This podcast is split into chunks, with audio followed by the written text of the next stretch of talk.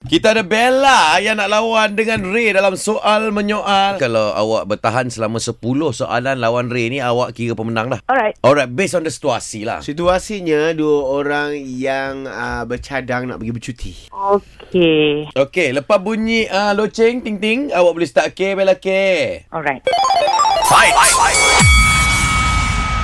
Kita nak cuti kat mana eh? Kenapa awak tak pilih? Nak naik apa? Hmm. Awak ada kereta ke? Hmm. Berapa banyak barang you nak bawa? Minyak siapa nak isi? Hmm. Uh, I patut pakai baju apa nanti pergi sana? Baju apa awak suka? Awak bawa siapa lagi? Siapa yang ikut? Uh, berapa lama eh nak apply cuti? Siapa yang tempat tiket?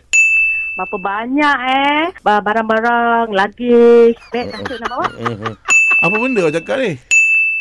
Kenapa awak tanya saya soalan balik? Kenapa? Kan benda ni tak boleh. Mm, Dah ada Dah dah okey tadi, dah okey, dah okey, Dah ada, dah okey, dah dah okey cukup, tadi. dah Dah soalan dah tadi tu eh. Ha, Kenapa? okey. Kenapa soalan awak banyak sangat? Kita nak pergi tu hari apa? ah! Nanti Harif! Ah, tu dia. Apa dia tak dengar? Berapa bulan nak pergi? berapa bulan nak pergi holiday dia? Kenapa lama sangat? Berapa ramai lagi kawan-kawan awak nak bawa? Okey, habis pula, habis pula. so, uh, nampaknya Ray yang kena umumkan yang Bella menang. ah. Oh, seronok dia. Yelah, Bella. Eh nak pergi makan kat mana eh? Johan, you nak makan kat mana? Weh. Ah, Itulah, ada tempat-tempat sedap tak?